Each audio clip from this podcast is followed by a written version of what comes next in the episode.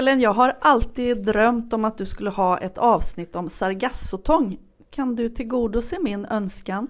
Men självklart Angela kan jag göra det. Jag pratar mer än gärna om stora fina härliga brunalger med flytblåsor.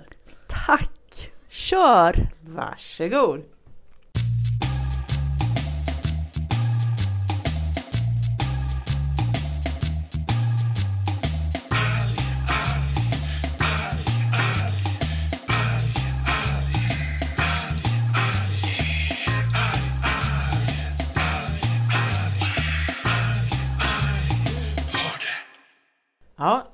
Dagens alg blir ju då Sargassum muticum, sargassosnärja som den heter på svenska.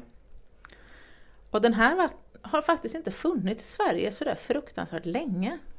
Det här var en som var väldigt populär när jag började med min eh, doktorandutbildning. Det var i mitten, ja, början mitten på 90-talet någon gång. Då. Men den här kom ungefär tio år tidigare vill jag minnas. Så den var lite hypad då. Ja, vi kanske ska säga att det var 1990-talet du doktorerade på också då. Oops! Som man inte trodde att det var tidigare. Nej men precis, den här var hypad för att den påträffades i svenska vatten första gången 1982. Och det var i Västerhavet misstänker jag. Jajamän, det var det. det var, jag skulle väl gissa att det var utanför Strömstad, det brukar ju vara där som saker och ting. Dels för att det är där de kommer in, men också för att det där det råkar händigt nog ligga en marin forskningsstation som är väldigt mycket ute och tittar i vattnet. Det kan ju faktiskt vara ett samband eller ett sammanträffande. Ja, ligger stationen där just därför att det är där arterna kommer in? Eller? Mm. Men Sargassosnärjan kom alltså in 1982 till Sverige. Och den kommer ursprungligen från Japan. Men den här lilla gangsteralgen, eller lilla och lilla, eh, den är inte så liten, eh, har faktiskt lyckats sprida sig globalt. Nu. Så tittar vi på den där den finns i Japan, så det är en brunalg. Och eh, i Japan blir den, beskrivs det ofta som relativt liten, men eftersom allting är relativt så blir den alltså i Japan en till två meter lång, eller hög. Eh, men utanför det här området, om den har spritt sig, så har den ibland hittat miljöer som är ännu mer gynnsamma för den. Och den har blivit ibland upp till 10 meter lång och det finns till och med noteringar som säger 16 meter, även om det känns nästan till obegripligt. Men det betyder alltså att den kan tillväxa med ungefär 10 cm om dagen. Då kan man ju i princip se den växa, eller hur? Ja, och det här är ju nästan lite i tävling med makrocystis, den här stora jättekelpen som finns på vid Stilla havskusten. Men du måste säga en gång till Ellen, vad, vad heter den på svenska?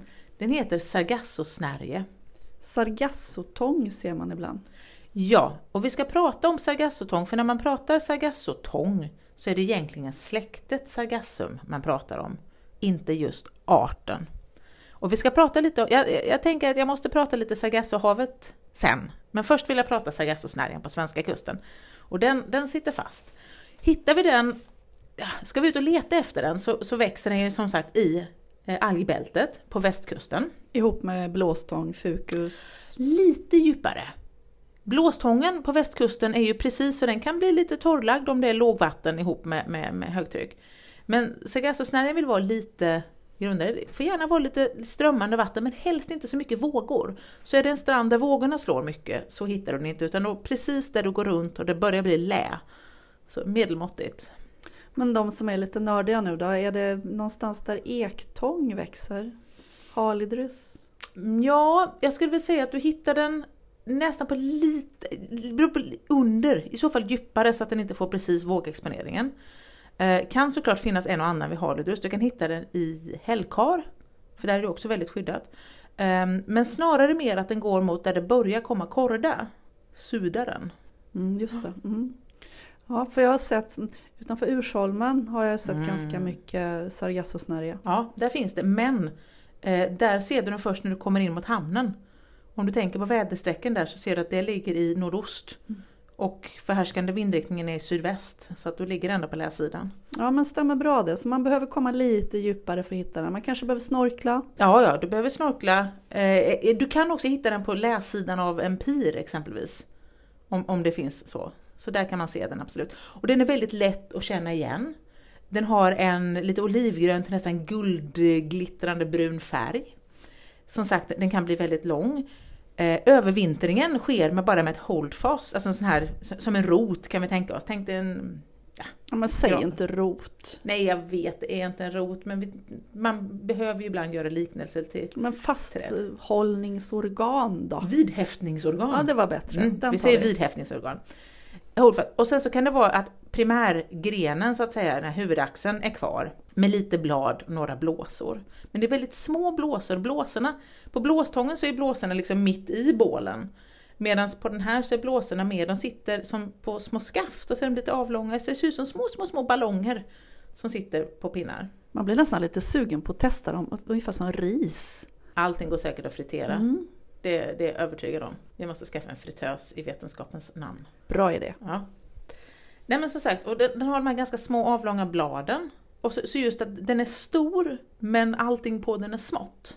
Och sen så, så, så är det ju så att den, den blir fertil på sensommaren. Och då bildar den receptakler som är avlånga strukturer som man då kan se. Som skiljer sig från blåsorna såklart i struktur för den som tittar nära. Men kort därefter så gör den precis vad, vad träden gör här på vintern. Den fäller de här, så att säga, sekundärgrenarna, så den lämnar en del av huvudstammen kvar, men den har liksom grenat ut under, våren, under tillväxten så här under sommarhalvåret. Men då fäller den de här grenarna, eller delarna av, eh, av bålen, och då flyter de iväg. Och då kan man tycka, okej, blad som faller. Men på de här grenarna så sitter ju då fortplantningskropparna, receptaklerna, och flyter iväg. Och den har flytblåsor kvar också väl? Ja precis, de tappar de inte utan det är alltså grenar med flytblåsor som drar iväg. Och då kan de ju segla väldigt, väldigt långt. Och då kommer den här saken som har gett den en sån otrolig förmåga att sprida sig så långa avstånd. Och det är just det här att den är monoik, eller sambyggare som vi kallar det. Det är alltså att den har både han och hon fortplantningsorgan på samma planta. Den är en sambo. Precis. Och, det här, och så gör den så också att ja, när vi pratar som blåstång och sånt där, då är det skilda han och honplantor. Så glider en planta iväg, så jaha, de måste ju träffa på någon av motsatta könet. Men här är motsatta könet redan med, så att säga. Och dessutom så gör den så att den släpper ut spermierna. Men de befruktar äggen som sitter kvar i receptaklet. Så det har liksom öppnat sig, men de sitter kvar.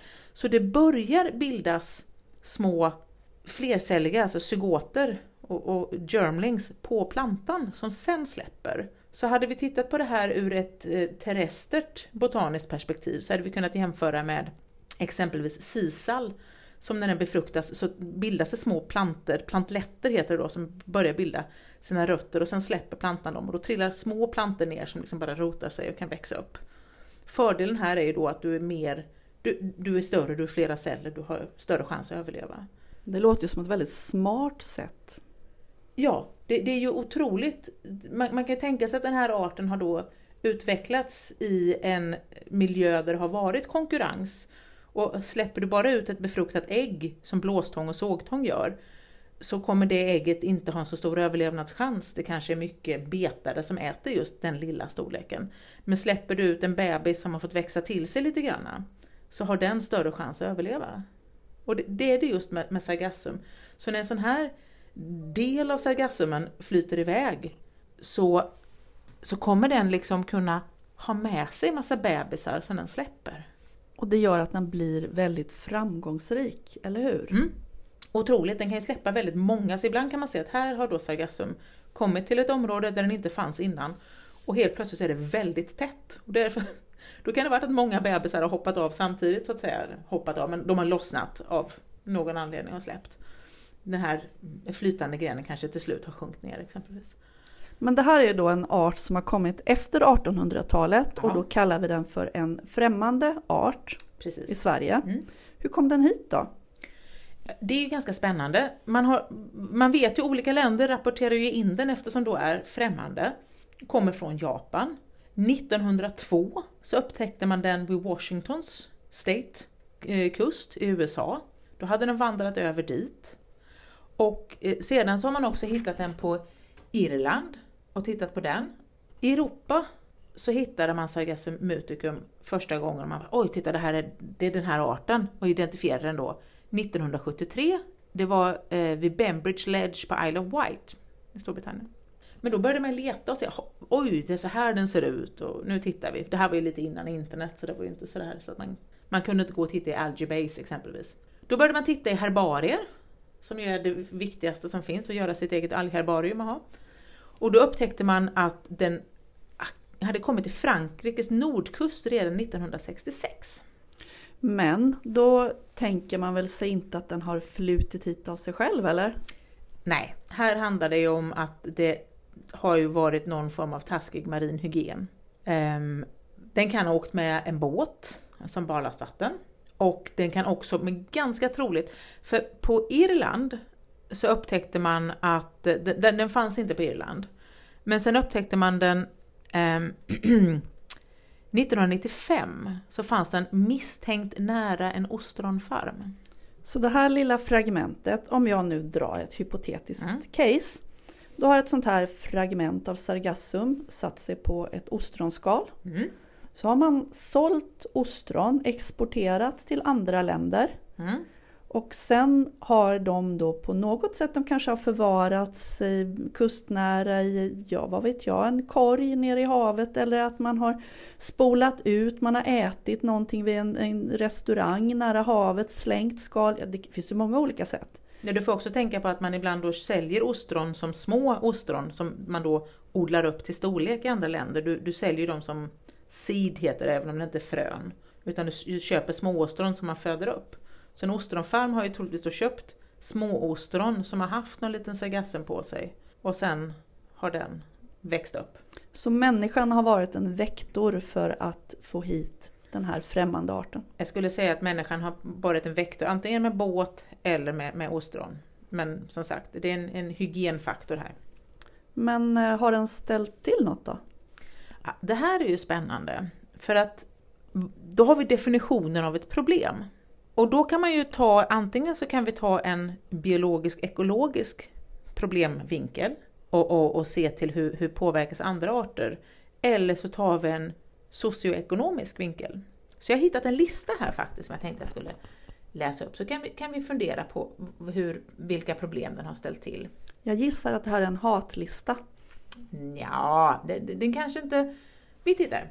Den första som dyker upp här att, är att den kan faktiskt eh, fysiskt hindra små båtar med utombordsmotorer på mindre än 20 hästkrafter. Aha, människan påverkas? Ja, precis. Det, den fastnar i propellen. Behov. Den kan eh, sätta igen intags, intag, vattenintag, både på båtar och på industrier. Människan påverkas? Mm, precis. Flytande mattor av Sargassum muticum fastnar i kommersiella fiskelinor och nät. Människan påverkas?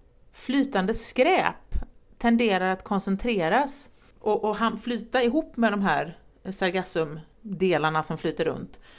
Och så blir det stora mattor som då blandar sargassum och plastskräp och det ser inte bra ut. Eh, människan? Som dessutom har slängt i plasten från början. Så, ja. men, men det beskrivs som creating an eyesore. Hopp. Ja. Stora mattor av den här algen flyter till slut upp på stranden och blir stora illaluktande tångvallar. Nu börjar jag bli lite trött. Var det femte eller sjätte punkten och det är fortfarande bara människan som påverkas? Eh, det var femte punkten och det är fortfarande bara människan som påverkas mm. negativt. Eh, tångvallar är ju annars en viktig miljö för många andra organismer. Så att jag kan väl tycka att det kan ju vara ett plus. Där får vi upp näring och kol från havet på land. Det, är ju liksom en, en balans som ska finnas. Men vi tittar. Eh, tät påväxt av sargassum på ostronbäddar gör det svårt att, att se ostronen för de skymmer. Man är också rädd att om de växer sig för stora så kan de rycka loss ostron och, så att de flyter iväg ut ur odlingen. Och det är ju inget problem för ostronet egentligen. Nej, det blir bara inte uppätet av människan. Ja. Så jag skulle vilja säga att ur ostronets synpunkt så kanske de är helt okej okay med den här biten. Och så får de ju se sig om lite grann också. Det är ju inte tråkigt om de nu hade haft ögon. Nummer sju då. Stora täta bestånd av sargassum kan göra att ett område inte blir lika trevligt för, för fritidsnyttjande av människor. Ha färre turister. Ja, det, det, blir problem. inte kul att simma eller åka vattenskidor eller fiska. Nej, Nej. trist. För det är läskigt med växter i vattnet, du vet. Oh, ja. Folk vill ju ha den här sterila sandstranden och botten, tydligen. Nummer åtta. Närvaro av täta sargassumstånd kan påverka eh, artdiversitet av då lokal eller inhemsk marin fauna och flora i, i eh, hällkar och grunda subtidal, eh, subtidalen så att säga. Eller, ja. så, så du menar att du har en lista på åtta punkter här och en av åtta punkter nämner påverkan på marina organismer och övriga handlar bara om människan? Jajamän. Mm, tycker jag var lite tröttsamt. Ja, och det är lite intressant här för när man ser att, att sargassum som sådan behöver ju inte, jag menar vi har ju då det här med att den bildar en tångvall. Ja, det, det, är ju många växter då på land som får sin näring via tångvallen. Och det är också mycket insekter i tångvallar. Exakt. Och det finns ju tångvallar som sådant, är ett skyddat habitat faktiskt. Inte för sig själva men för att det finns vissa växter som, som bara växer just i det habitatet. Så att man ska inte fnysa på näsan åt en tångvall. Nej, absolut inte. Och sen så tycker jag ju att är det en brunalg som bryts ner så luktar det bara gott. Ja. Det är rödalgerna som luktar illa. Ja. Så är det med det hela. Men det finns fler arter än eh, sargassosnärje, eller hur? Mm, det gör det. Och jag vet att jag hörde någon gång för flera år sedan, 2018 var det ett program på, på radio Vetenskapsnyheter, mm. där man rapporterade om ett eh, sånt här sargassobälte, sargassotångbälte, som sträckte sig från Mexikanska golfen till Västafrikas kust 885 mil långt. Det är ju rätt jäkla rejält alltså. Jag räknar lite på det. Det skulle vara Sveriges längd fågelvägen ungefär, ungefär fem och en halv gång. Så får man lite perspektiv. Det är jädrigt mycket sargassum. Mm. Och de, man har beräknat att de skulle väga 20 miljoner ton. Tänk om man kunde ha dem till något. Vad skulle man kunna ha dem till? Förutom, ja. De innehåller ju eh, en hel del kemikalier som skulle kunna gå att använda. Det kom, då och då så är det sådana här konferenser och prat om eh, bi, alltså användande för, av kemikalier för, för att kunna ha i hudvårdsprodukter och diverse bioceuticals som det heter så käckt. Eh, så jag tror att man skulle kunna utvinna någonting. Men då måste vi prata om, om Sargassohavet. Och där är det alltså då släktet Sargassum här, det är inte Sargassosnärjen som vi har. Utan då är det eh, Sargassum fluitans, som då tyder på att den är frilevande helt. Och Sargassum natans, det är de två arterna av sargassum som finns i Sargassohavet. Och Sargassohavet är ju häftigt, det är det enda hav som inte har någon kust. Wow! Mm, så är det faktiskt. En enorm vattenmassa som ju då är Sargasso. Och hur, hur klassar man det som hav? Jo men det är ju just för det här att den omges av fyra olika atlantströmmar som gör att det blir liksom ett eget vattenområde, det avgränsas på det här. Så de här strömmarna tvingar det här Sargassohavet att långsamt rotera medurs. Mm. Så du har liksom en, en, långsam snurr, och får du en snurr, det kan du göra om du har vatten, som, någonting som flyter i, i vasken. Ta och snurra på det åt ena eller andra hållet så ser du hur saker och ting samlas i mitten. Det är därför Sargassosnärjarna, eller Sargassumen då, de här ligger och, och, och, blir där för att rörelsen gör att de liksom hålls i mitten. Så de tar sig då inte av sig själva till någon annan vattenmassa? Så eller? länge strömmarna är starka nog att hålla dem där. Så pratar vi klimatförändringar och förändring eller försvagning av, av Atlantströmmar så kommer ju hela det här att förändras. Hur? Ingen aning, det vet vi inte. Nej. Spännande. Ja, det är spännande. Ja. Och, och då får vi tänka på att, jag menar, tittar vi då, Sargassohavet är ju inte en riktigt fast utan det fluktuerar, eftersom det är hålls av strömmar så beror det också på strömmarnas läge och hur starka de är, så det, det varierar lite grann Sargassohavet. Så det är pulserande och det rör sig liksom omkring. Va? Så pratar vi koordinater så ligger vattenmassan, eller Sargassohavet då, me, eh, mellan 22, 22 till 36 nordliga latituden och 32 till 64 graden västlig longitud. Ish. Mm. Att säga. Och nordvästra delen av vattenområdet så ligger då Bermuda, för det kanske man har läst om. Ja, så. Och här vill jag komma in med en bokvarning, alltså motsvarigheten till ett boktips. Kära lyssnare, hur uttråkad du någon gång är, så om du befinner dig i närheten av en bok som heter Sargasso, lägg inte tid på att läsa den. Den är så otroligt dålig. Jag har läst den åt dig, den sög. Läs inte boken Sargasso vad du än gör, du kommer inte få tillbaka de timmarna av ditt liv. Inte värt det. Slut på bokvarning.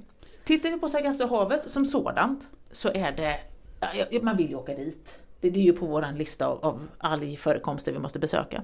Mm, ja, jag åker väl hellre till Antarktis, men okej ja, då. Ja, ja, men okej. då. Sargassohavet är, har ju tropiska temperaturer va? På vintern 20-23 grader, på sommaren 26-28 grader. Ja. Mm. Rätt nice, eller hur? Och det är sådär, du vet, eftersom det inte har en kust så rinner det inte ut en massa näring. Så det är sådär riktigt djupblått, mättat blå färg och siktdjup 60 meter. Jag följer med. Ja, så svårsålt var det. 37 i salthalt, så vi får ta med mycket bly om vi ska sjunka. Och det är snitthavet, alltså djupet är lite djupare än 6 kilometer, maxdjupet är på 6995 meter. Ja, så ingen bottenkänsla här alls överhuvudtaget, utan här är det liksom blue water diving som gäller. Det kommer vara så jäkla fräckt. Men det häftiga är då den här stora samlingen med alger, för eftersom den finns där och de förökar sig ju både med fragment som sagt men också då sexuellt på det här sättet. Det är ju en unik livsmiljö. Och där finns det arter, det finns små fiskar och sånt som, bara finns där. Det är lite Galapagos över det Ja, kanske? ett flytande Galapagos. Det flytande Atlantis. Beroende på liksom vad man vill, hur man betecknar en ö. För när du har ens någonting som flyter, jag menar lägger du en pinne i Atlanten så kommer någonting att sätta sig på den, tillräckligt litet eller stor. Sen kommer någonting gömma sig under den. Och sen kommer någonting komma dit för att se om det finns någonting den kan äta. Och, och, så, så det finns ju massor med djur som, som kommer dit och liksom är och hänger, de gömmer sig, de letar efter mat, de, de letar efter någon att ragga lite på. Det, det är liksom, vilken miljö, den är ju jättefantastisk. Men ingen kust? Nej, Hur bär man sig åt för att ta sig dit då? ja, det hade varit bra om någon var gift med en helikopterpilot. Ah. Eller, eller så har man en båt. En lagom stor båt. Ja, en lagom stor båt. Mm, mm. Jag tänker att vi behöver en liten segelbåt med två kojor, lagom mycket vatten så vi klarar oss och eh, ombyter baddräkter så man kan ha en torr baddräkt då och då. Men, eh, men hörru Ellen, ska vi göra någonting åt sargassosnärje i Sverige och kan vi göra något åt det? Ja, det är ganska intressant. Den har ju klassats som invasiv, kraftigt invasiv i vissa länder, exempelvis i Bretagne i Frankrike, där den ställer till då problem ur den socioekonomiska aspekten för människan. Här i Sverige så kom den och vi var oroliga, men den har liksom inte blivit något större problem. Den har inte brett ut sig särskilt mycket. Den, den finns med, men inte, inte så att den har liksom trängt bort någonting vad vi har kunnat se. Och den bildar ju en ganska så komplex livsmiljö eftersom den är så, så fin, liksom finförgrenad och fin, ganska liten liksom i strukturen så det blir väldigt bra gömsle för många små kräftdjur exempelvis. Så den klassas inte som invasiv i Sverige utan den klassas som främmande art helt enkelt. Man har gjort försök med att eh, få bort sargassum på platser då där, där den har ställt till problem. Och eh, det man, om, om man tar bort den så får man helt enkelt ner och ta bort den för hand och då måste man skrapa bort, hold fast, med en liten spackel eller någonting. Men det här behöver ju då, det tar ju tid. Du måste ju göra det med, med snorkling eller med dykning. Och man måste upprepa det, troligtvis för all och evig framtid om den väl har etablerat sig ordentligt i området. Eh, man har prövat med att tråla upp den, det går ju sådär för du får ju upp allting annat också plus att du får inte upp den ordentligt för att Holdfast sitter ju fast ordentligt. Eh, man har prövat med, med olika kemikalier, herbicider. Usch. Ja, och herbicider är ju en dålig idé för de blir oftast ganska giftiga om de kommer ner i vatten. Och jag förstår inte riktigt hur man kan, man måste nästan injicerat, tänker jag. Lite desperat försök kanske. Ja, det känns som att man riktigt inte så, man kan ju inte hälla gift i vattnet för att bli av med en alg, man dödar ju allt plus att vattenmassan rör på sig så den kommer ju försvinna och döda allting annat nedströms. Um, det var, behövdes, det står eh, failed due to lack of selectivity, alltså det blev inte så selektivt, man dödade allt och att man behövde otroliga doser för är det någonting som händer så är det utspädning i vattnet. Så det var ju bara dumt. Att, att man ens har prövat tycker jag är skrämmande. Men i Sverige har vi nu bestämt oss för att eh, vi, vi har gett den beteckningen, alltså Artdatabanken ger ju en beteckning för hur, vilken risken är att eh, om den är invasiv eller inte. Precis.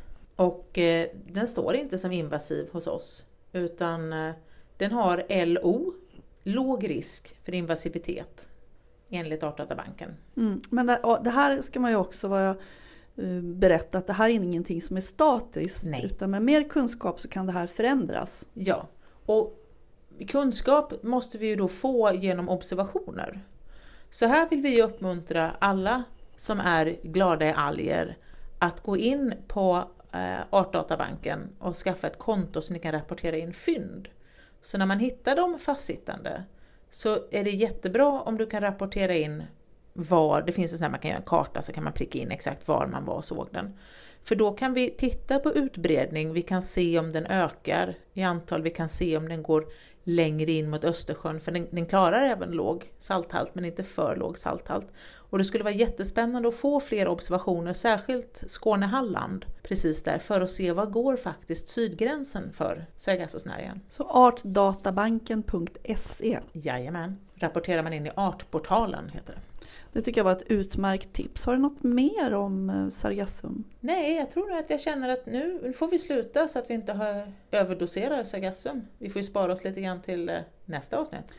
Man överdosera kan man inte när det gäller alger, men eh, jag säger tjing tjing Ellen! Ha det fint, vi ses!